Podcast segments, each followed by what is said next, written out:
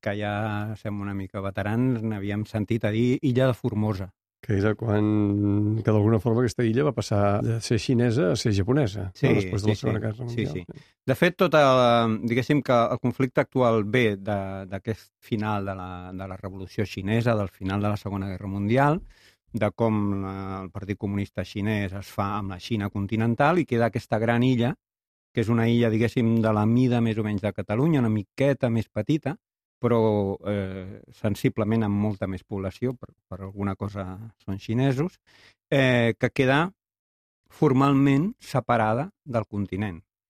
Llavors, la República Popular de la Xina mai no ha acceptat que aquesta illa no en formi part de la seva república i la República de la Xina, sense popular, es considera un país a part.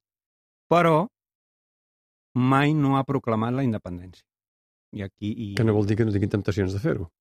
No, de temptacions en tenen, però, clar, la cosa és, és fotuda, perquè mm, si bé al final de la Segona Guerra Mundial va ser Taiwan qui tenia el reconeixement internacional, l'estratègia diplomàtica, el pes demogràfic, la gran potència que és el gegant asiàtic de la República Popular s'ha anat imposant i a poc a poc l'ha anat arraconant.